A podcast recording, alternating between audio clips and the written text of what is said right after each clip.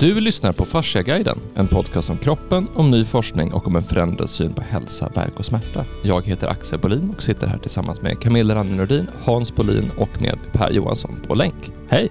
Hej. Hej.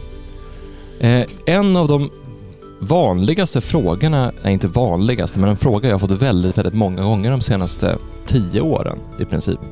Det är eh, hur väl stämmer fascialinjerna överens med akupunkturmeridianerna?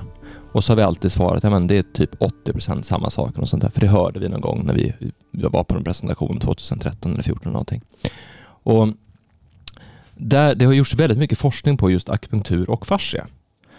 Och då tänkte jag att vi ska prata lite grann på riktigt en gång om den forskningen, om, om akupunktur och fascia och sen prata lite mer om vad, vad händer när man börjar titta på fascia som en helhet och hur stämmer det överens med andra helhetstraditioner som till exempel traditionell kinesisk medicin? Och eh, jag tänker vi börjar på en gång och bara prata lite grann om, om akupunktur och fascia. Från ett västerländskt perspektiv då? Från ett västerländskt perspektiv. Eh, eh, ja, ja, men det finns ju en forskare som heter Helen Darnsven. Hon har ju skrivit mycket om, hon är ju akupunktör själv och läkare forskar på, väldigt framstående forskare på fascia. Och håller ju på mycket med det här med hur stretching påverkar fascian. Och hur stretching påverkar fibroblasterna, alltså cellerna i, i fascian. De celler som producerar kollagen. Och eh, hon har ju skrivit en hel del om just eh, fascia och akupunktur. Och att det, jag har ingen siffra på det, 80 procent. Men att det överensstämmer alltså, fascian är ju förklaringen på eh, att akupunkturen fungerar. Så att säga. Det, det är det medium som akupunkturen fungerar i. Och för man har inte haft någon riktig för, kunna förklara hur akupunktur fungerar förut. Så att säga. Men, men hon eh, pratar ju om de här att det finns eh, ja, mer starkare kollagenstråk så att säga. Med, som då sträcker sig längs meridianerna. Och sen, man har ju mätt också med elektromagnetisk, alltså eh, frekvenser och mätt elektriciteten i de här. Eh, det, det, har man gjort tidigare. Och att man kan följa meridianerna. Men de är ju så att säga osynliga. Men med fascian så har de mera blivit mätbara. Men sen finns det ju också det här som jag pratat om eh, för inte så länge sedan. Men den som kom för något år sedan eller ett par år sedan. Utav en eh, kinesisk grupp tror jag. Eller österländsk på, på något sätt. Eh, att de eh, man hade en, en eh, nyare magnetröntgenmetod som man kunde få in färgämne i. Och att man alltså sprutade in färgämne dels var som helst i kroppen. Och såg att det spred sig men inte ja, det, det spred sig med, med en rätt långsam hastighet. Och sen så när man träffar meridianerna. Mm. Då spred det sig fortare. Och träffar man då en akupunkturpunkt. Som alltså är då noder så att säga längs meridianerna.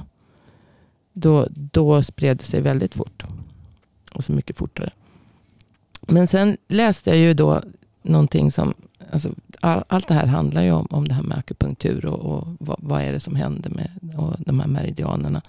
Men det finns en, en eller fanns en koreansk eh, forskare, läkare, som alltså, hette Bongan Kim. Och sex, 1962 så hittade han ett, ett, alltså det här läste jag för några år sedan och då kopplade jag inte det med akupunkturen så direkt. Men nu läste jag en nyare artikel om det. Och att det hade ju väldigt mycket med akupunkt, eh, ja, meridianen och akupunkturpunkterna att göra. Eh, och det, han, han i alla fall hittade ett speciellt cirkulationssystem som, som alla däggdjur tydligen har.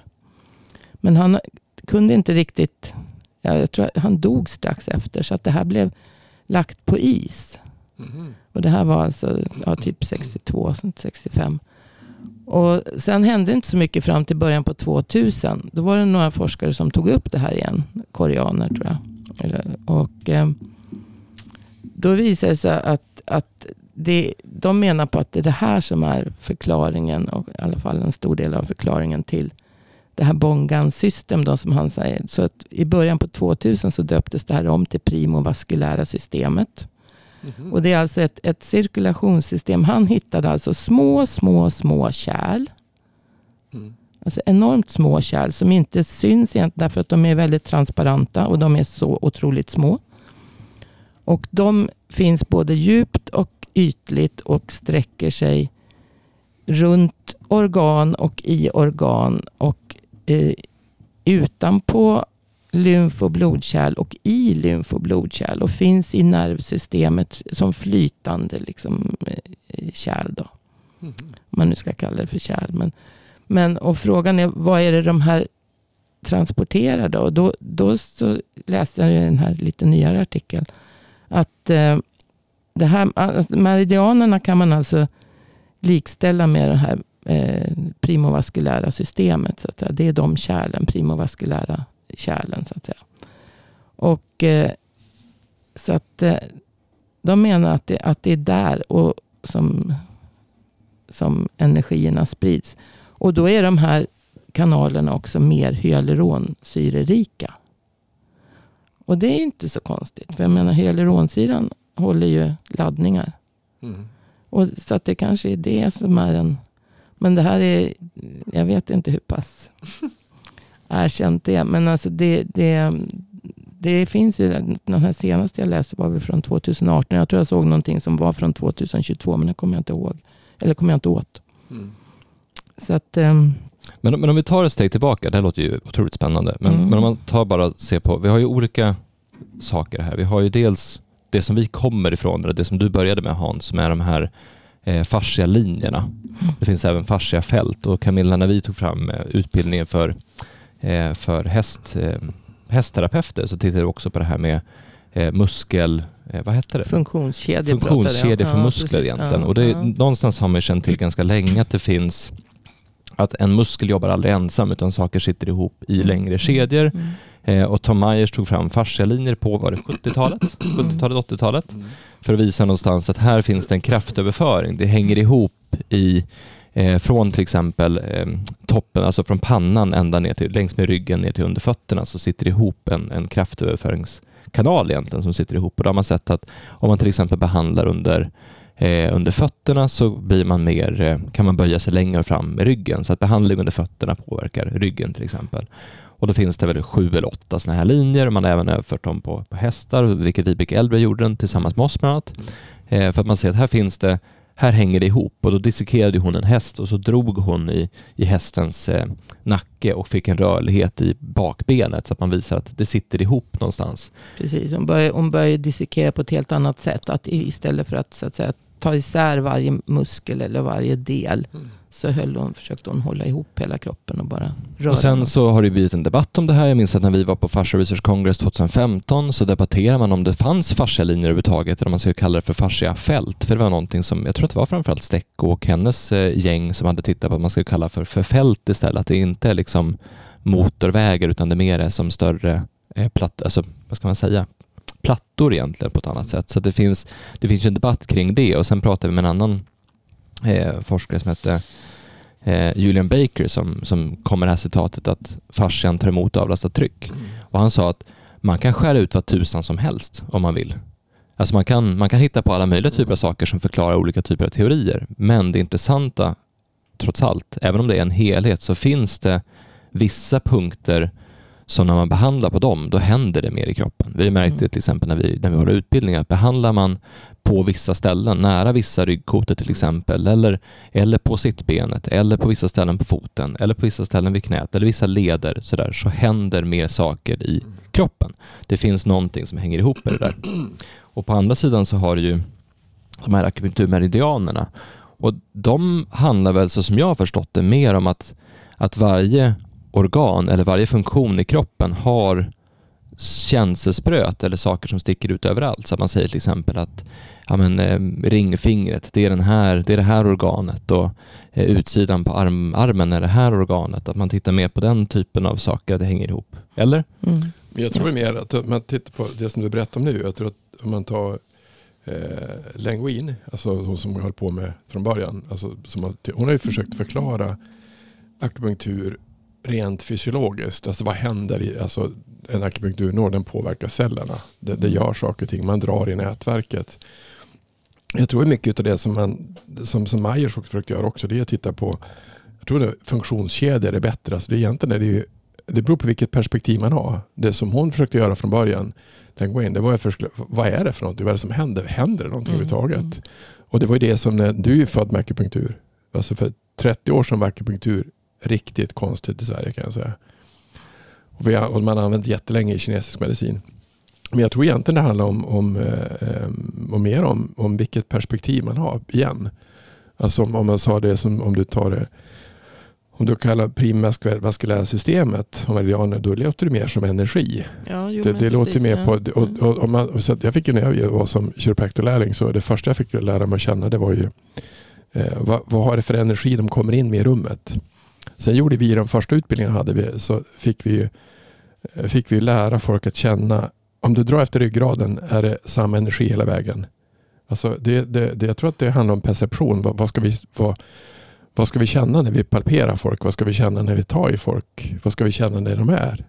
Och det, jag tror att det är det som eh, jag tror det är det som jag tycker är tydligt med det här. Det är att det västerländska sättet att, att, att komma in i det här området det är ju att gå ifrån ifrån, eh, ifrån alltså fascia till celler. Alltså, till mik- Mm. alltså någon typ ifrån delsystem till mindre system. På samma sak, hon gjorde ju också att den första på, på, på lumbarfascian eh, på ryggverk så hade hon, eh, hon höll på med, Legwin håller på med, eh, eh, vad heter det? Heter det man säger? Eh, det man tittar på vävnad. Ultraljud. Ult, nej, ultraljud, ursäkta. Mm. Föll bort. Men då, då såg jag att lumbarfascian, om det fanns då, om man hade ont i ryggen så var ju lu- lumbarfascian tät. Då var den tjockare. Den var ja, tjock precis. och det man inte visste om då, för man inte såg, det är bara, det är bara sju år sedan, det var att den var inflammerad. Mm. Så den var ju tät. Men man Och det var, blev mer kollagen då. Så Ja. Men du ser inte flödet. Det ser inte flödet. Så det, det handlar egentligen om, om, när vi kommer in på det här, det är hur förklarar man en helhet med delperspektiv? Och det Mm. blir ju jätterörigt. Mm. Och Mm. jag tror att det där var för det där har fallit bort som du sa för 62.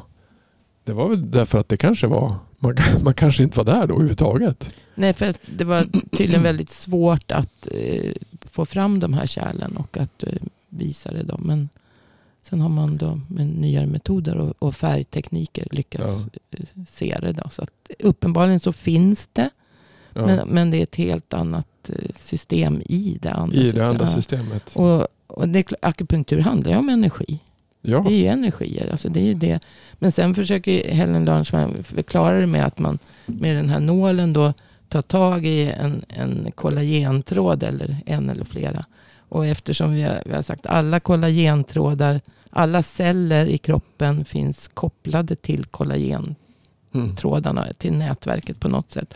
Så när du drar i en kollagentråd, vilket händer när vi rör oss Mm. överhuvudtaget. Men när hon då specifikt drar i, i kollagentrådarna på ett ställe. Mm. Därför att de här akupunkterna är ju ändå punkter som har ändrat lite struktur. Det är en annan struktur av fascia, fascia stråk som går ihop och går upp mer ytligt. Mm. Så att man kommer åt dem så. Men, och när man drar i dem, då drar man ju i fibroblasterna, alltså i cellerna. Och då får ju då, ändrar fibroblasten form. För det har hon ju visat då att Mm. när cellen blir stö- får en större cellkropp och mindre tentakler. För fibroblasterna har små utskott så att säga. Och då blir den väldigt bullig och bara in, korta utskott. Men annars är den väldigt liten. Och då kan man ju tänka sig att om cellkroppen är väldigt liten, ja då kanske inte är så mycket aktivitet inne i själva cellen. Men när man drar i den så aktiverar man den och då så att säga börjar, ja, men tänk proteinsyntes och, och mitokondrieaktivitet och allt sånt. Och då, då blir, ökar cellen så att säga i storlek när den blir mer aktiv. Jag vet inte, det var bara Men, något. men, men någonstans kan man säga på, på punktnivå. För då, det som Gilbertot också visat när han har filmat under i huden och sett Mm. liksom levande bindväv.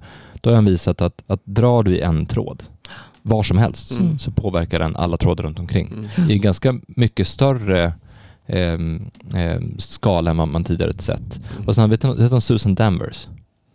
Med R-bildningen? Nej?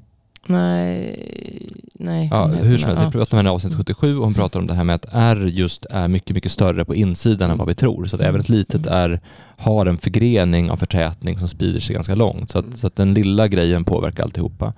Eh, så, så på punktnivå har de visat hur allting faktiskt hänger ihop. Att trycker på ett ställe så hänger det ihop på ett annat ställe. Det som Lord Van visade här var ju att vissa punkter har en större effekt. Alltså Mm. är det på den Mm. punkten så sprids det på ett annat sätt. Mm. Och det är också någonting som vi erfarenhetsmässigt har sett när vi har behandlat. Att behandlar man på, på det eller det stället, då händer mer. Mm. Då får du en större effekt av den, det du gör med behandlingen till exempel. Och det är ju, men det här är vi fortfarande inne på den här väldigt puttinuttiga delnivån på ett sätt. Att vi är liksom inne och tittar på en punkt för att förstå ett ställe. Det intressanta blir när man lyfter det här och tittar på men hur tusan hänger det här ihop som en helhet? För det är ju där någonstans vi, när vi, vårt angreppssätt när vi försöker förstå kroppen, även Lars Wern, även Stecco, även de här blir att man oftast tittar på hur ser den här lilla delen av kroppen ut ihop med allting annat? Ja, vad är det som Vad som händer? Vad är behövs det som här är händer, säga? egentligen eh, en, att skaffa sig en vana. Man behöver ha både detaljkunskaper och helhetsinsikter eller helhetskunskaper och erfarenheter. Man behöver lära sig mer och mer olika som håller på med sådana här saker och skifta mellan de två perspektiven. För att det, jag tycker det är uppenbart egentligen att de motsäger inte varandra. Utan man får tag i olika saker beroende på var man börjar. Som du Camilla här nu har börjat beskriva vissa detaljer på eh, cellnivå i princip. Mm. Eh, som gör att man kan förstå, börja förstå lite grann eh, hur det här kan relatera till akupunktur. Om man börjar på akupunkturens egen nivå så att säga så bryr man sig inte alls om där den detaljnivån men man vet att det vi kallar för helhet är inte någon sorts odifferentie- odifferentierad massa som eh, är liksom så att säga jämnt utspridd överallt utan den har en detaljerad struktur så att, eh, i form av akupunkturpunkterna bland annat och meridianerna. Så att, och det är extremt detaljerat kartlagt det där inom TCM, akupunkturtraditionen. Så, så eh, bara för att man pratar om helhet så betyder inte det att det är någon, någon sorts, det, det är inte vagt. Det är inte, det är inte, liksom, ser inte ut hur som, hur som helst, men det är en annan nivå att betrakta saker och ting på. Och att en förmåga att skifta mellan de helhetsnivån och detaljnivån beroende på vad det är man vill veta och hur man vill förstå någonting. Det, det är ju den förmågan jag tycker egentligen fattas. Istället, istället så har vi, har vi, och det håller väl på att ändra sig nu lyckligtvis, men länge har det varit någon sorts märklig debatt, konflikt eh, som, som grundar sig i att man den ena nivån, nivån försvarar sig mot den andra nivån så att säga. Det blir ju väldigt märkligt egentligen. Så himla svårt ska det väl inte vara att kunna ta hänsyn till båda sidor tycker jag. Nej men nu när man jag läser det där om primovaskulära systemet så som sagt från början så när jag läste så kopplade jag inte ihop det med akupunkturen men, men eh, det står ju ändå där att han, han försöker förklara akupunkturen med, med hjälp av det. Men, men just det där när, nu när jag läste just hyaluronsyre-rika stråk och de här noderna då som är liksom som ligger Alltså ett kärlsystem med, lite med, med noder, alltså, som är då akupunkturpunkterna. Och det är mycket hyaluronsyra. Det är väl inte så konstigt. Det är ju, och sen kolla, både kollagen och, och hy- hyaluronsyra sprider eller eh, överför elektriska laddningar. Så att det, jag menar, det, och så har man ju mätt då olika med olika frekvenser och olika energinivåer i alltså elektromagnetisk strålning i de här eh, olika punkterna och i meridianerna. Att det skiljer sig från olika delar av kroppen. Så det, är- sen att man inte... Ja. Så, Så, så, svårt, så svårt ska det väl inte vara att förstå. Nej men det, det är intressant. Så nu har man alltså med, med västerländsk forskning förklarat, eller försökt förklara då hur eh, meridianer eller akupunktur fungerar på punktnivå, på stråknivå och på energiflödesnivå. Mm. Mm. Eh, en sak som kan vara intressant att lyfta är ju behovet av att känna att man måste förklara det. För jag hade en en diskussion en, en, med en, en eh, kund till oss som, som eh, har läst på mycket om, om Mm. traditionell kinesisk medicin och utbildat sig till kinesiolog och inom akupunktur och sådana saker också. Och hans, han uttrycker en frustration över att, att vi måste bevisa, vi, vi västerländs måste bevisa att det fungerar eftersom att det här är ändå någonting som man har på med inom traditionell kinesisk medicin i ja, alltså flera tusen år. Mm. Och det som man, han menar på att, jag vet inte om det stämmer, men det var intressant att de hade ju faktiskt slavar på den tiden, alltså för länge sedan i Kina också. Mm. Så att givetvis har man ju testat sakerna på dem. Alltså, man har ju, alltså om du har slavar som, som är liksom så, då kan du testa, du, du gör ju mänskliga experiment på dem, menar han då. Att, jag tror att han till och med hade belägg för det. Så att det, är inte, det här är inte någonting som är hittepå. Alltså det är inte någonting som bara liksom har bara, här har vi lite meridianer, utan det är liksom väldigt lång tradition av att ta fram en kunskapsbas kring det här. Dels som vi har pratat om tidigare på den här erfarenhetsmässiga nivån, men också har man förmodligen gjort väldigt mycket experiment på det om man nu har haft det här i flera tusen år och det har fungerat. Så varför Men måste vi förklara det? förlåt, experiment är ju, är ju erfarenhet. Alltså, det är ju egentligen ingen skillnad. Men, TCM, akupunktur, bygger ju på att man har prövat sig fram, att man har observerat och de som har hållit på med det har själva känt efter i och på sig själva och provat på sig själva säkerligen i den mån det, det går och provat på varandra och provat på andra. Om det var slavar eller inte, det får väl no någon studera. Men, men det, är ju framväxt på erfarenhetsmässig grund och sen utifrån den erfarenheten, hur det känns då, så eh, det som ligger närmast till hands att tala om det är ju i termer av energi då. Och där har man ju inom TCM differentierat det som de kallar för chi, som kan översättas med energi, differentierat i vad jag vet eh, i alla fall ett par hundra, om inte fler, olika sorters chi. Så att det är en e- extrem urskiljning man har ägnat sig åt för att och, och, och kartlägga det hela och det är helt och hållet erfarenhetsbaserat. Men om man tittar på den filosofiska eller teoretiska nivån så har man ett annat sätt att resonera om det. Eh, för att förklara det, för de förklarar ju också det. De förklarar det i termer av chi och de förklarar det i termer av alla möjliga ömsesidiga påverkningar mellan sina, sitt, de begrepp de har för organ som är annorlunda än de moderna västerländska. Mm. Så de har ju sina förklaringar. Så det, det här med förklaring utgår ju alltid från den eh,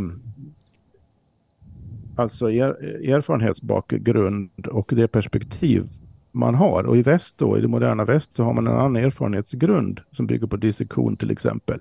Och man har, har en annan eh, konceptualisering och eh, syn på vad, vad man håller på med. Och så har man, förklarar man utifrån det. Och den har blivit mer och mer detaljerad ner på molekylnivå vid det här laget för länge sedan. Mm. Så, så att eh, det här med för, bara det, det finns ju ingenting, det finns ju ingen metanivå här som säger att den ena förklaringen är mera giltig eller bättre än den andra. Mm. Du kan, du kan, det, det, det är där det blir absurt. Va? För att om, om, om, om en västerlänning säger att ja, vi måste förklara det i våra termer, annars håller vi inte med om att det funkar ens. Mm. Det, det är en väldigt konstig inställning. Det är ju som om, om, om någon, någon kinesisk medicinare skulle säga, traditionellt slag, skulle säga att ja, men det västerländska är så, kon, är så konstigt, det kan inte vara sant. För att eh, hur stämmer det överens med våra chi-begrepp? Mm. Det, det, det vore ju lika dumt. Mm. Jag vet inte, eller, Lars Sven skrev i någon artikel eh, att eh, TCM uppstod på 1960-talet i, i Kina där, med influenser från västvärlden. Innan så var det klassisk kinesisk medicin. Mhm. Så att det, den, den TCM och klassisk kinesisk medicin är inte riktigt. Samma Alltså sak. TCM är inte riktigt, riktigt riktig då. Om man säger. Det är ju såklart samma sak eh, där borta, om vi uttrycker det på det viset, som hos oss, att det finns olika uppfattningar, olika traditioner. De är inte alltid överens om, om Mm. allt. Nej. Det är inte heller konstigt. Jag tror att det är mer av det här synsätt som var inne för, för förut. Jag pr- pratade med en kvinna idag, veckan som hade höll på med fotos, nej, psykosyntes.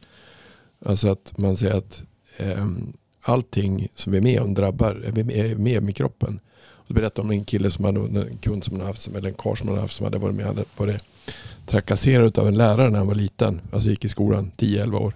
Och det kom alltid upp. Det kom alltid upp. Och då menar, och då, han förstod inte varför det kom upp. Men, men det är ju det som inte vi riktigt förstår, att, eller vi inte tar med separation utav det vi är med om. Alltså, som du har sagt förut Per, erfarenhet. Alltså, erfarenhet är inte värt någonting alls. Eller inte att vi förstår inte att allt vi är med om är vi med om och det påverkar oss. Men, men samtidigt så gör vi det i, i epigenetik. Gör vi det. Så Mm. det var ju så det, det är lite inte, det, det, det luriga att alltså inom genetik och epigenetik så säger man att det är det som är grejen. Mm. Och, så du kan, ha, du kan ha gener för att få cancer men du får inte cancer. Eh, och och det, de har till och med gjort så att de som, de, de har till och med gjort så att de som har den här genen för cancer och så sen så får de adoptivbarn som flyttar in. Så kan de också få den där.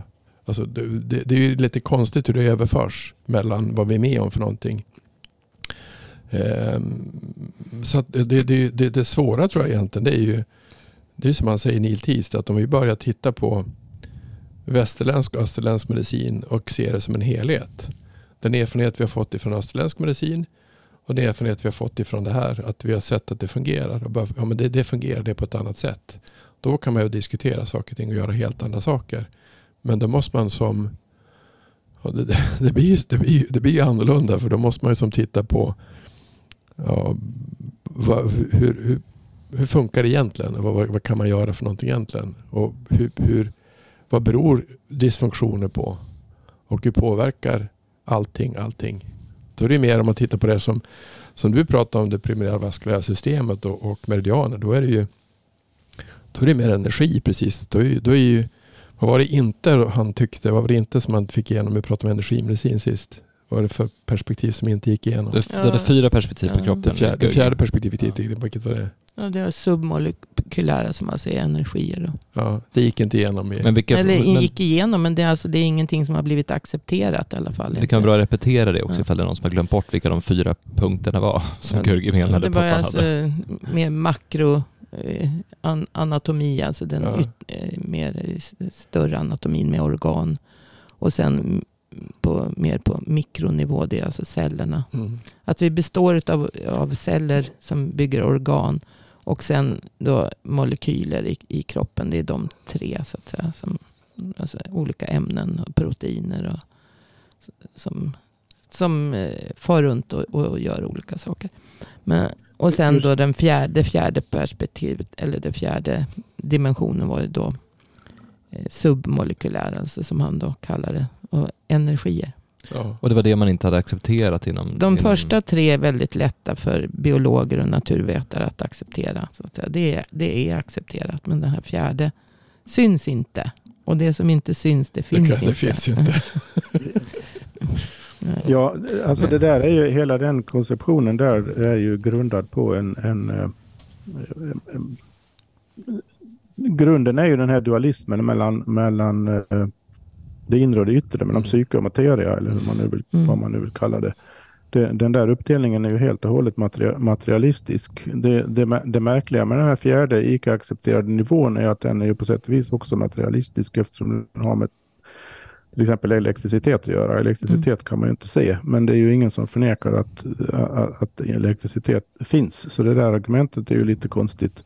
Men den, den avgörande skillnaden mellan det österländska och det västerländska, om vi säger så nu då grovt, är ju att i det österländska perspektivet så gör man ingen skillnad mellan psyke och kropp, utan när man ställer diagnos i TCM så tar man lika mycket hänsyn till inre och psykiska faktorer och relationella faktorer i familjen och så vidare som man gör till de eh, kroppsligt observerbara sakerna om hur man är spänd på olika ställen och vilka akupunkturpunkter som fungerar och så vidare. Det är en sorts kroppslig eh, perspektiv. Man skiljer ju inte eh, på, på det. Den stora bristen på den västerländska sidan är ju att när man, har, när man analyserar allting i molekylära termer till exempel så finns det ingen motsvarande analys om vad det här innebär på den psykiska sidan. Det finns ingen brygga mellan, som vi har varit inne på många gånger, det finns ingen väst, ingen brygga mellan eh, det m- materiellt fixerade studiet och hur saker och ting känns. Mm. Varken för patienten eller för, det, för, för läkaren eller för terapeuten eller vem, vem, vem det nu är. Det, det är där den stora skiljelinjen ligger. Så när man talar om helhetssyn från österländskt perspektiv så inkluderar det insidan och utsidan, psyket och, och kroppen. Men när man talar om helhetssyn från ett västerländskt modernt perspektiv så är det fortfarande bara materialistiskt i grund och botten. Mm. Och det, det är därför man får problem, det där kal- kategoriseringsproblemet du är inne på där, Camilla. Mm. I den här. Ja, det var ju ja, han Albert van Gjörki som sa det här till. Mm. Så att det, det är en mycket mer, egentligen en mycket mer grundläggande mentalitetsskillnad än bara det här med detalj och helhet. Det är frågan om Mm. här. Nej, men sen tror jag också avsikten bakom. För jag minns att redan i vårt andra avsnitt av Fasciaguiden så pratade vi om det här sättet att se på kroppen, alltså det traditionellt kinesiska, det klassiskt kinesiska sättet då kanske. Men då var det just att vi tog ett exempel att när man då kommer in med något problem, Mm. då är det så här, men hur är det med mormor? Alltså det var liksom den, den kom in som en naturlig fråga. Hur mår din mormor? Eller hur, hur är det med din familj? Att du för in den biten i, i diagnosen och att sen eh, själva avsikten med behandlingen, om det nu är via akupunktur eller om det är via att man får olika typer av örter eller näring eller olika typer av saker eller andra typer av behandling, så syftar det till att, att någonstans få en balans i de olika energiflödena. Alltså det finns en massa flöden i kroppen och de här ska vara i balans eller i harmoni. Eller det, finns, det finns en störning nu i, i ditt flöde som har med, med njuren att göra, tror jag, tog, tog vi upp tror jag. Mm. Och att det är det som någonstans är avsikten att stabilisera ett flöde. Och det är ganska intressant att det som vi har gjort nu i, i 10-12 år är att vi har försökt titta på hur får vi en kropp att hamna i, i rätt balans och hållning och hur får vi ett, ett flöde och en avslappning att öka. Därför att när, man, när avsikten är att, att allting i kroppen ska flöda så fritt som möjligt, om man överför det, den avsikten till det här sättet att tänka på, alltså med meridianer eller med akupunktur eller med, med det, så blir avsikten att få energiflödena i kroppen att, att flöda fritt. Mm. För när det sker, då kommer läkning att starta igång. För vi- jag, jag, Mm. jag skulle skriva rubriken till förra avsnittet om energimedicin. Mm. Och så vad tusan ska jag skriva för rubrik? Mm. Och då pratade vi lite grann om att, men är det inte, handlar det inte om, om självläkning? Är det inte Jo. det hela grejen Mm. handlar om? Jo. Att energimedicin handlar om att stimulera Mm. självläkning. Mm. Och det måste ju vara tricket med akupunktur också. Ja. För det, det, jag minns att när jag lärde Ja, det är det i högsta Ja. grad. Eh, alltså, jag tycker det är intressant att själva begreppet energi här är ju extremt bra. Mm. För att eh, eh, om man tänker på energi så kan, eh, ordet energi utan att det blir någon motsägelse kan man använda för att förstå det på en materiellt sätt, fysikaliskt sätt i termer av elektricitet och mag- magnetism egentligen, Mm. i termer av ström och spänning kan man förstå energi.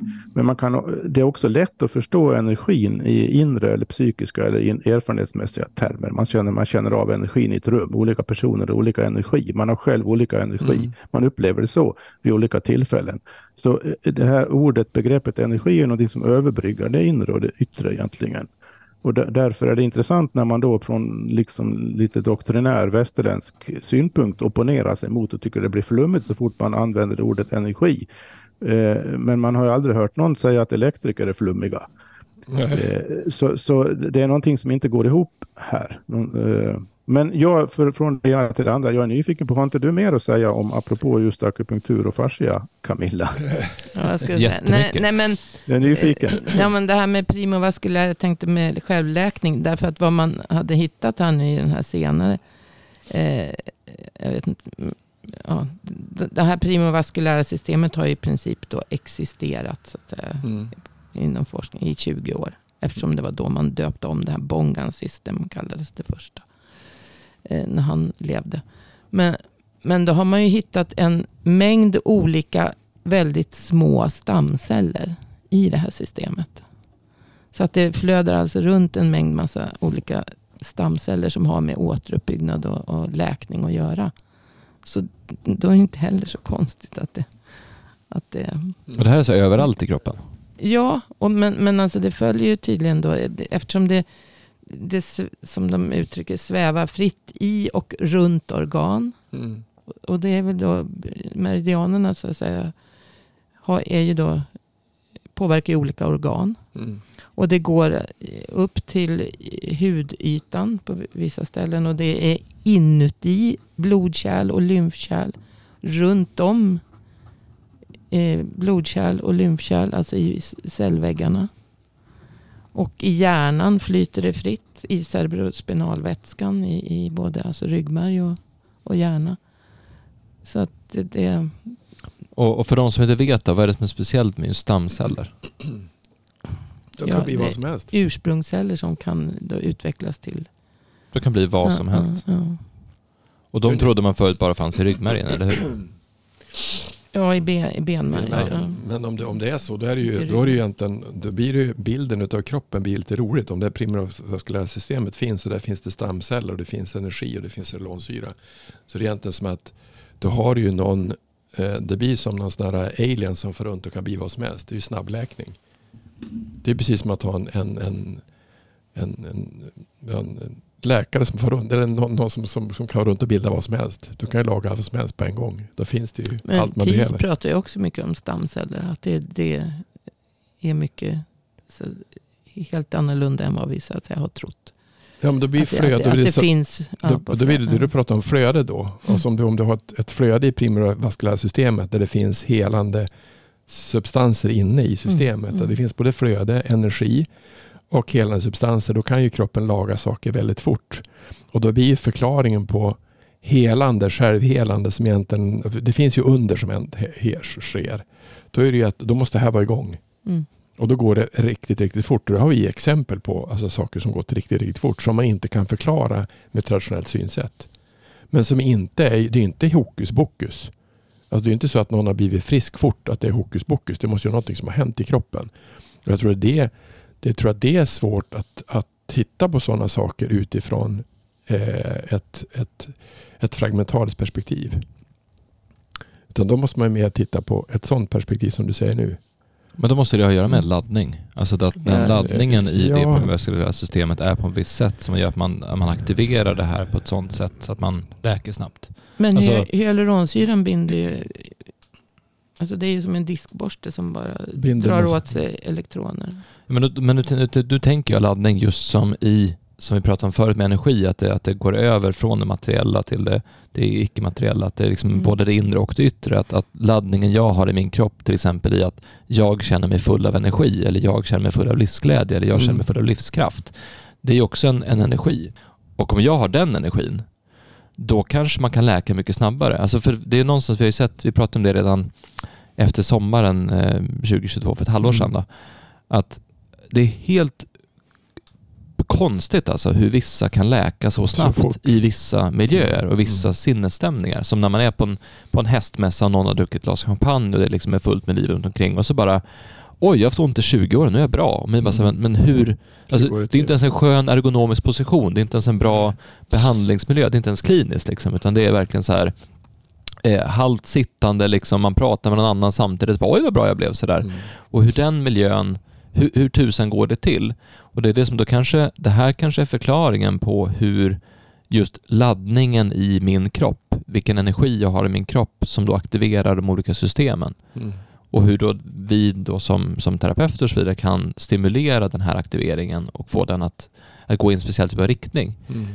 För det är ju faktiskt många helt eh, underliga saker som har hänt. Alltså när, inte bara för oss utan över, genom världshistorien också. Att, att saker som är läkt, läkt mycket, mycket fortare än det borde kunna läka. Mm. Men jag tänkte, för där är ju hyaluronsyran, så jag är ju nörd av hyaluronsyra. så jag blev så glad det. när jag läste det primäravaskulära systemet. att det var Alltså, mycket hyaluronsyrerika stråk.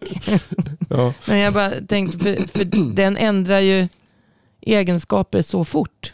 Alltså just det här icke-Newtonsk lösning som bara Det var det som he, är, helt plötsligt så ändrar den det var det och, som och jag, blir väldigt viskös eller så blir den väldigt genomsläpplig. Och då, jag, jag då har du ju det här med att det stoppar upp eller bara flödar iväg. Yes. Vi måste prata Så- en i så- taget och Per hade faktiskt en fråga. Ja. vi hör inte honom lika bra för han Nej. sitter på länk. Så hoppa in Per, vad sa du för någonting? Eh, Ja, eh, jag har en fråga apropå det här primovaskulära systemet. Om vi för resonemangets skull antar att det existerar. Vad är egent, det är lite oklart för mig här. Vad är egentligen förhållandet mellan det och fascia? Det ligger ju i fascia. Det ligger i Alltså fascia. det, eftersom Ja, men är det någon skillnad? när de hittade det här så, så var det väl ingen som tänkte fascia. Nej, sen- det är ju det som är eh, nej. intressant. Jag, Mm. det, jag undrar om det är samma sak man pratar om i grund och botten och det leder vidare Fast- till en...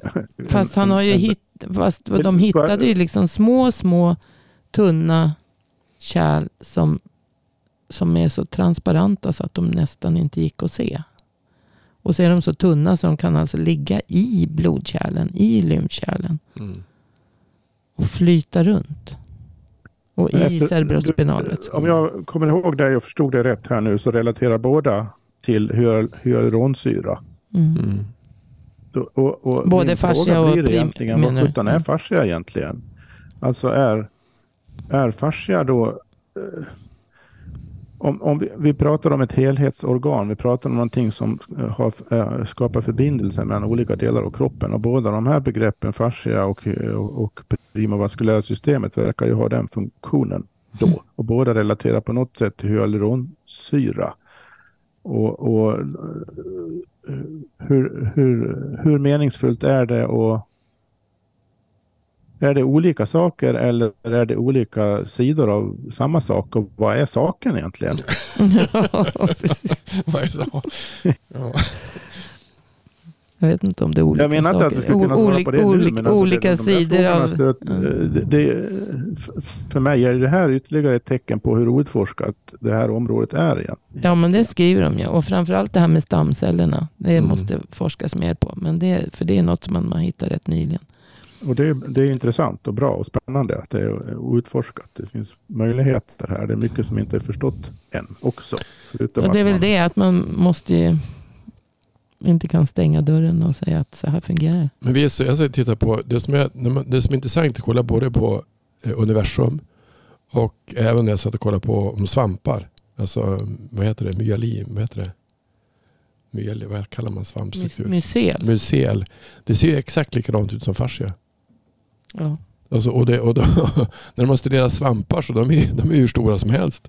Och de, ser, de bygger ju strukturer som är ganska fascinerande. Alltså självgenererande strukturer. Och så verkar kroppen se ut också. Så att jag tror att det där med, med primärvaskulära systemet, det förklarar ju bara det är bara en, del, en delstruktur av fascian eller av kroppen som man kanske inte har tittat på. Men om det finns fria stamceller som åker runt eller fria, då blir det ju då blir det en annan förklaring på, på varför det kan gå så fort och varför det kan läka. För när jag pratar med Kristoffer Rubin som är professor han är i biologi va? I, på, uppe i Uppsala. Ja, cell, cell och molekylär biologi. Då förklara, kan du förklara hur kan frozen shoulder gå så fort för vissa? Och det var det ju bland annat alltså hyalonsyran och, och eh, olika signalsubstanser, hur fruktansvärt fort det går eh, att, att göra saker och ting. Och det där har man inte heller studerat speciellt mycket. Men då kan det ju vara att man sätter fart på det här systemet också. Det ja, ja och just det här med hyaluronsyrans förtätning och ja. som Stecco pratar om. Och. Men man säger så här, för att i, i eftermiddag ska vi prata mer om, inte i podd utan vi ska sitta och ha ett möte om, om det här med den vetenskapliga grunden bakom fascia och fasciabehandling. Och när vi gjorde det avsnittet så började vi från ett håll med att prata om, om fascian som sådär. Men sen så kom vi fram till att vi måste börja på ett steg tidigare. Vi måste börja med någon form av, någon form av liv som, är, som uttrycker sig i någon form av flöde. Om vi så säger att det är den här energin, att liv är energin och så uttrycker det sig i ett flöde. Då blir ju, alltså fascia kanske snarare är sättet som flödet organiserar sig på. Mm. Att det finns mm. någonting som är flyt, alltså flytande och löst. Alltså, men energi är ju någonting som finns i luften. Det är någonting som är ganska, det är ganska svårt att ta på energi. Alltså alla kan känna energi, mm. men det kan vara svårt att ta på vad energi är. Mm. Men när då det här energi ska, energin ska få en mer, mer fast form så blir det i termer av ett flöde. Och när flödet ska få en, en tydligare ordning så blir det i form av en struktur och den strukturen är, är fascian. Så att för flöde finns ju på andra sätt också. Så det finns ju flöde i kroppen som inte är fascia i termer av att man andas in till exempel, den luften som kommer in eller, eller sådär. Så att då blir ju det primovaskulära systemet blir ytterligare en konkretisering av hur det här flödet ska organisera sig för att uppfylla en typ av funktion. Alltså man, man måste, kanske måste tänka från det hållet. För vi har ju någonstans, alltså vi, kan ju säga så här, men fascia ja. är allt. Fast samtidigt så kanske det låter lite dumt att säga att fascia är allt. Det var som någon som, som mejlade mig och sa så här, men kan man säga att fascia är förklaringsmodellen bakom allt som finns på det som har varit med om? Ja, det beror på definitionen av fascia. Det var ju därför jag undrade innan, vad är saken egentligen? Men, men generellt sett så, så, kan man, så, så är det ju välkänt egentligen när man försöker förstå hur liv fungerar att allt liv, det vill säga allt kroppsligt existerande, levande, Oavsett vad det är, om det är en svamp eller en människa eller en bofink eller vad det är för någonting. All, alla levande varelser lever ju tack vare att eh, energiflöde pa, mm. passerar genom dem. Man, kan, man skulle kunna säga definiera en levande kropp som det sätt på vilket energiflöde, eh, den sortens energiflöde organiserar sig. Mm. Alltså vi, vi, har ju, vi får ju egentligen i vårt vanliga ska man kalla det, optiska sätt att se på saker och ting, där vi ser olika saker som vi, vi kategoriserar utifrån hur, hur det ser ut rent synintrycksmässigt. Det där leder ju lätt till en, en eh, uppfattning om verkligheten att saker och ting är separerade från varandra. Men, men det, det, är de ju i verkligheten inte, utan allting upprätthålls och uppstår och relaterar till vartannat i termer av energiflöden hela tiden. Så att, och, och det, där, det där är ju grundläggande, på ett sätt grundläggande livets termodynamik. Det finns ju fysikaliska förklaringar på det där. Hur, hur, hur, det, hur, hur det fungerar. Så att, att allting är flöden och att kropp, vad vi kallar en kropp är, är ett organiserat konkretiserat organiserat flöde i en viss form och den formen bestäms av arvsanlagen som är olika hos olika organismer. Då. Men det vi alla organismer har gemensamt är just att de upprätthålls av energiflöden. Mm. Det, så att det här med en, en, bokstavligen. Så det här med att, eh, som börjar med fotosyntesen då ekologiskt sett på jorden. Mm. Så, så det vill säga solljuset driver det hela. Mm.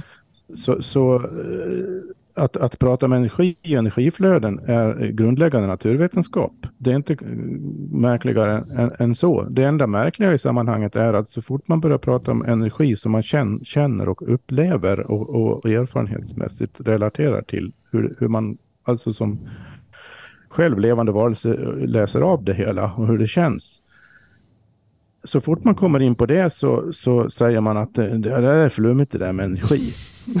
Ja, det, det är extremt dumt för att tala klarspråk och, och, och inte fa, fatta det här. Ja, det är faktiskt. Och, och, och det, det, absolut mest bästa sättet att tänka på det är att verkligheten har två aspekter som inte är som är samma verklighet, samma mm. helhet, samma enhet. Men det är två aspekter. Den ena aspekten är insidan, hur det känns. Mm.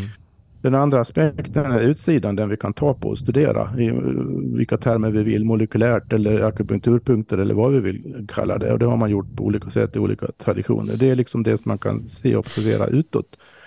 Men varje utåt eh, aspekt motsvaras av en inre aspekt. Mm. Det, man behöver inte tänka mer än så för att få det att gå ihop egentligen. I väst finns det en filosof som har drivit det där längst och varit klarast på den där punkten och han har många efterföljare i modern tid också, nämligen Spinoza. Han, han sa just det på 1600-talet i, i, den här debatten som orsakades av, av Descartes då, med dualismen mellan kropp och själ. Han sa att ja, det är två aspekter av samma sak. Det är inte någon separation, men det, det, det, beror, det är en perspektivfråga. Vad man, utifrån ett inifrån perspektiv så är det på ett sätt, utifrån ett utifrån perspektiv så är det på ett annat sätt. Men det är samma sak. Och så är det i kroppen och, kroppen och livet också. Mm.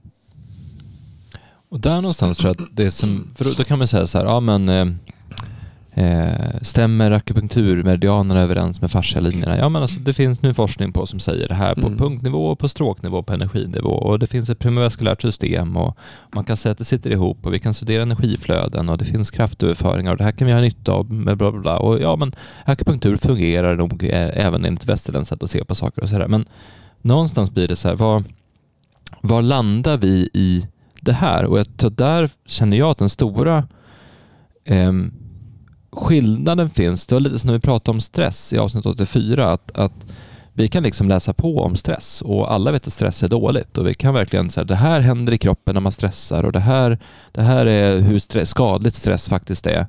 Men vi stannar liksom inte upp och tänker så här, det här rör ju oss. Alltså det här rör ju mig och min stress, alltså hur jag stressar. Och det är samma sak här, att, att om du tar okay, syftet med, med um, energimedicinen eller med akupunkturen eller med fasciabehandling, för den delen, är ju någonstans att, att få kroppens energier i balans så att självläkning kan stimuleras. Mm. Så. Och vi märker att ja, men om, man är, om man har en speciell energinivå i sig så läker man lättare och snabbare.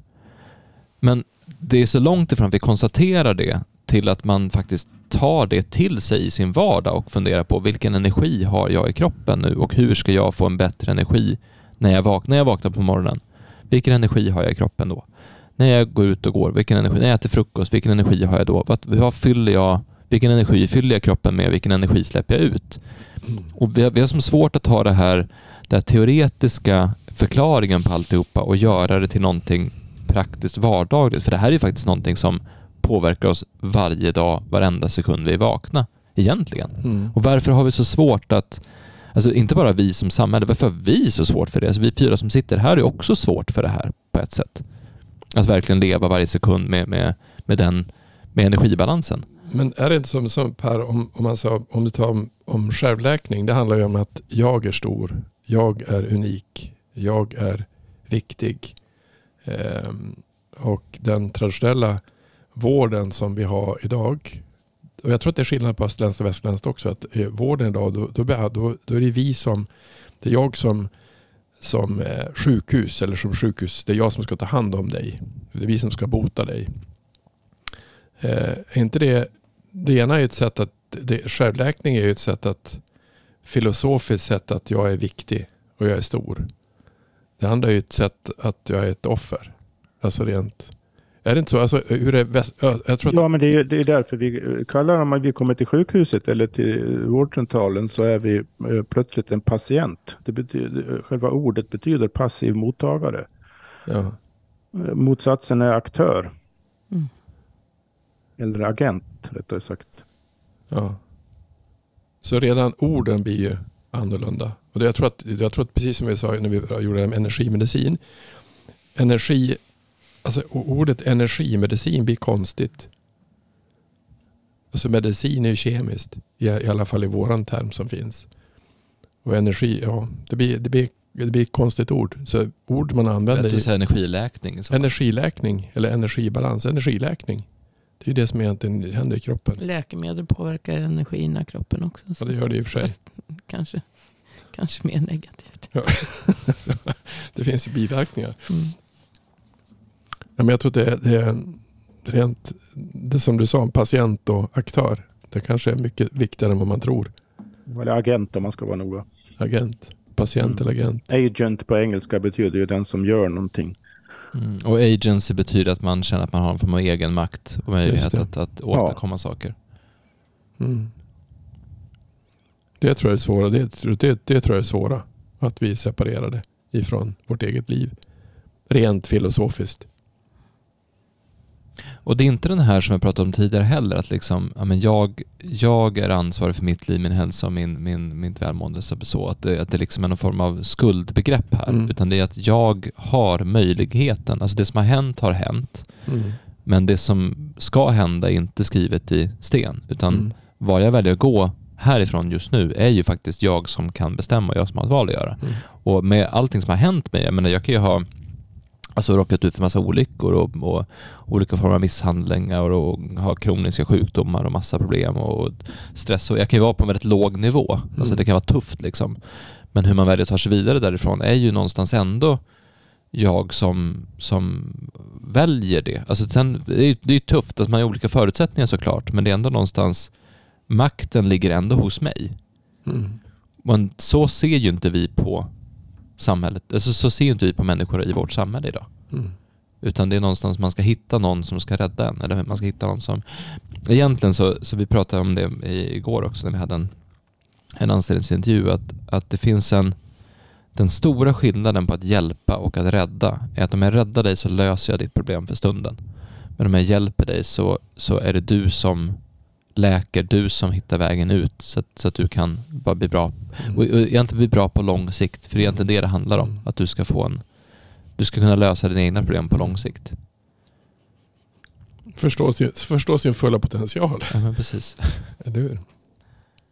Och det går ju mycket, det går ju mycket, eh, det går ju, det är det som jag tror är så häftigt med kroppen, vad som egentligen händer, är att jag tror att när man får en annan läkande energi i kroppen, om det är kärlek eller om det är förlåtelse eller om det är, vad är grace, vad kallar man det, nåd. Det är ju vissa sådana Nåd, saker ja. som, nåd, nåd, är ju, nåd är ju häftigt. Alltså om jag förlåter mig själv Om jag säger att jag är du, alltså man kan ju förlåta allt. Då får du en annan laddning. Du får en annan laddning. Eh, och den, den, den laddningen blir man, när man, det, jag tror att det är när man ser på filmer, när, när man blir så rörd över hur, hur fina människor kan vara. Och hur snälla människor kan vara. Och hur mycket nåd man kan ge. Eller alltså hur mycket nåd man kan se. Och det tror jag påverkar mycket, mycket mer system än vad vi tror att det gör. Mm. Ja, eller när man tänker på hur mycket man faktiskt älskar någon man älskar. Alltså när, när man, man, man, älskar ju någon, förhoppningsvis har man alla någon de älskar. Eller ja. sådär. Om, man, om man tänker på den personen som man älskar och hur mycket man faktiskt älskar den personen, hur stark den kärleken är, då blir man också rörd. rörd. Så man nästan, mm. Jag satt med, med min dotter och bara så här, vi, nu är det slut på pappaledigheten. Så satt jag och tittade på henne så här. Så bara, ja, jag är så tacksam för den, den period vi har haft tillsammans. Mm. Nu blir jag helt tårögd. Liksom. Så här har vi fått vara med varandra varje dag nu i ett halvår. Och, så mm. och, och det, den, den känslan blir ju väldigt stark och väldigt mm. rörande. så. Och mm. då när man fylls, när kroppen fylls av den, då blir det ju då blir det ju annorlunda. Den är ju både läkande och häftig och överväldigande mm. samtidigt. Men för att knyta an då till som slutkläm på det här ämnet som vi ändå började med. För vi började prata om, om akupunktur, vi började prata om fascia, vi började prata om traditionell kinesisk medicin och så vidare. Eh, kan man inte bara säga så här, ja, men eh, skit i det här, vi hoppar på eh, det traditionellt kinesiska sättet att se på kroppen. Vi blir taoister allihopa och så sen så bara släpper vi allt det här och tänker så istället. Kan man inte bara göra så då? Nej, det går ju inte eftersom vi, man kan inte bara eh, för, föra in en, en annat synsätt, en annan kulturs traditioner i sin egen kultur sådär bara. Eh, det, det, det, funkar inte så för det, det, hänger ihop med så mycket eh, både inre och yttre faktorer och utbildningssystem och, och vanor och mm. hur saker är organiserade. Man kan inte, det har vi varit inne på, eh, inte i den specifika frågan men generellt hur svårt det kan vara att ändra existerande strukturer. Men om man håller det på den nivån att det handlar om olika perspektiv mm. och att det är, finns ett värde i en förmåga att lära sig och, och, och uppleva och studera och forska utifrån olika perspektiv. Mm. Som inte, för att grejen med perspektiv är att du kan ju inte dubbelexponera perspektiv. Mm. Det kan man ju inte alltså, den ordets bokstavliga, eller vad man säga, vanliga perceptoriska mening, perspektiv, det är ju synvinkel. Va? Mm. Om du kan ju inte ha en syn, två eller flera synvinklar i eller ovanpå varandra. Det blir ju, då upplöses ju allting något konstigt, odifferentierat, rörigt. Så varje perspektiv, varje perspektiv måste ses utifrån sig självt. Och det hänger på oss, vår föreställningsförmåga, vår fantasiförmåga, vår skaparförmåga, vår inlevelseförmåga att kunna skifta mellan perspektiv beroende på situation. För i olika, olika situationer behövs olika perspektiv, eller rättare sagt är olika perspektiv mer eller mindre adekvata. Mm. Att ut, i, i, vissa lägen så är, är eh, skulle jag säga, om vi, om vi pratar bara vård nu då, eller behandling, mm. I vissa lägen så är en västerländsk baserad behandling eller vårdinsats eller medicin för den delen kanske det absolut mest adekvata perspektiv som finns för att komma till rätta med det, antingen i stunden eller på längre sikt. Det beror ju mm. på. I andra lägen så kan det vara ett eh, perspektiv som påminner om TCM som är det absolut mest adekvata. Det beror på vad det är för någonting. Det vi är så förbaskat dåliga på är förmågan att skifta perspektiv och, mm. och förstå vad det innebär men alla försök att liksom syntetisera perspektiv och få allting att gå ihop i någon sorts enhetslära, det tror jag är dömt att misslyckas. Utan mm. vi måste lära oss att bli mer flexibla och öppensinnade. Samtidigt som vi är, är eh, precisa och adekvata i, i, situationen. Det är också en sån där sak vi är dåliga på, att skifta mellan det, det allmänna allmänna, vad ska man säga, intuitionen, skifta mellan en allmän intuition och en mer, mer specifik observation av någonting, mm. bör man också kunna skifta mellan. Mm. Och det där är någonting man kan lära sig, men som våra, våra bildnings och utbildningssystem i, i, i princip motarbetar den förmågan. Men det är någonting man kan lära sig. Det är, där, det är där knuten ligger som jag ser det. Förmågan att skifta perspektiv är lös, lösningen eller svaret på många svårigheter. Så man kan egentligen säga då att vi det västerländska samhället, den västerländska världsbilden, det västerländska sättet att leva på har lite problem om man säger så. Det finns några utmaningar här som är ganska stora. Ja, men problemet är inte så mycket själva... Problemet är att den totaliseras och att vi har fått en religiös tro på att det är enda, enda sanna sättet att se på saker och ting. Det, det, är det som är problemet. Det är inte perspektivet, det västerländska medicinska, vilket den, den är. Det är inte perspektivet som är problemet. Utan det är att vi tror att det är det enda perspektivet. Eller det Mm. mest giltiga. Mm. Eller det bästa eller någonting. Det är ju den totaliserande eh, övertygelsen som är, är problemet. Om man är lite mer ödmjuk och, och inser att i vissa situationer så är det västerländska etablerade perspektiven, får man kalla det, för det är inte bara ett, eh, mest adekvata. I andra situationer är de, är de inte det. Det är ju en ödmjuk inställning till det här hur man tänker och ser på saker och ting. Man behöver inte bara för att man tänker på ett sätt behöver man inte hävda att det är det enda sättet. Det är ju, Nej. det är ju diktatorsfasoner. Men jag tror att det som är, det som är fascia som är intressant det är ju att det är första gången vi har ett perspektiv, ett perspektiv som är helhet, som är faktiskt fysiskt. Som man kan, som man kan rymmas mycket i. Och man kan göra mycket saker runt omkring. Och det, det visar ju nu när vi kollar på akupunktur, när vi kollar, alltså vad vi än kommer in på så blir det ju, vi kommer in ifrån delperspektiv och ser helhet och ser delar. Alltså vi börjar med att man, Dan Wynn hon kom in och tittade på på stretching och hur det påverkar celler. Alltså från ett perspektiv till ett annat perspektiv. Men och jag tror att jag tror att fascia kan vara en förmåga att, att byta perspektiv. Alltså gå ifrån mikro till makro och se saker och ting. Ja, som jag, jag, jag också har sagt flera gånger Ja. vi har varit inne på. Alltså, det intressanta med fascia och fasciaforskning är ju att det inom den västerländska reduktionistiska eh, molekylärt fixerade traditionen, eller vad vi ska kalla det, Ja. nödvändiggör en helhetssyn. Det provocerar fram en, en, en Mm. he- nödvändigheten av att ha en helhetssyn. Det är väl det som gör det intressant. Men, men helhetssyn i sig är ju ingenting som eh, kommer först med fascian Nej, egentligen. nej, nej, nej. Ja, men där är väl någonstans det som vi, vi kanske måste tänka efter på eller vara försiktiga med. Att vi, vi i väst och framförallt kanske vi i Sverige har ju en förmåga av att säga nu är det det här som gäller och då är det all in på det. Alltså vi, vi körde just den här, jag tycker den här New Public Management-reformen på 90-talet är jätteintressant. Man har haft ett sätt att göra det på och så bara nej, nu kastar vi ut allt det och så gör vi totalt tvärtom. Vi byter Mm. bara riktning och liksom vänder skeppet 180 grader all in ditåt. Och Mm. inte så här, ska vi hitta en mellanväg eller ska vi Mm. liksom lära oss av det gamla och se vad vi kan göra med nya, utan man, man liksom bara går all in på ett nytt sätt att tänka på. Och det där tror jag någonstans att för, för vi, vi kan alltså inte bara rakt in anamma ett annat tidigare fungerande sätt att se på kroppen, utan vi måste, i väst måste vi lösa våra problem. Lösningen måste komma härifrån, för problemet kommer också härifrån på ett sätt. Och då kanske man Ja, och inte... det, vi, vi, vi måste lösa det som människor, som hela människor. Mm. Vi, vi behöver förstå oss själva, när, inre och yttre samtidigt. Vi behöver Mm. få ihop oss igen. Och då är det viktigt att, att lära sig av så många olika perspektiv som möjligt. Ja. Men inte gå all in på det. Nej, det är en sjukdom det där att, att det bara finns ett... Varför ska man fastna i ett perspektiv? Det är ju Mm. inte som att äta samma mat varenda dag resten av livet. Mm. Nej, det är inte så kul.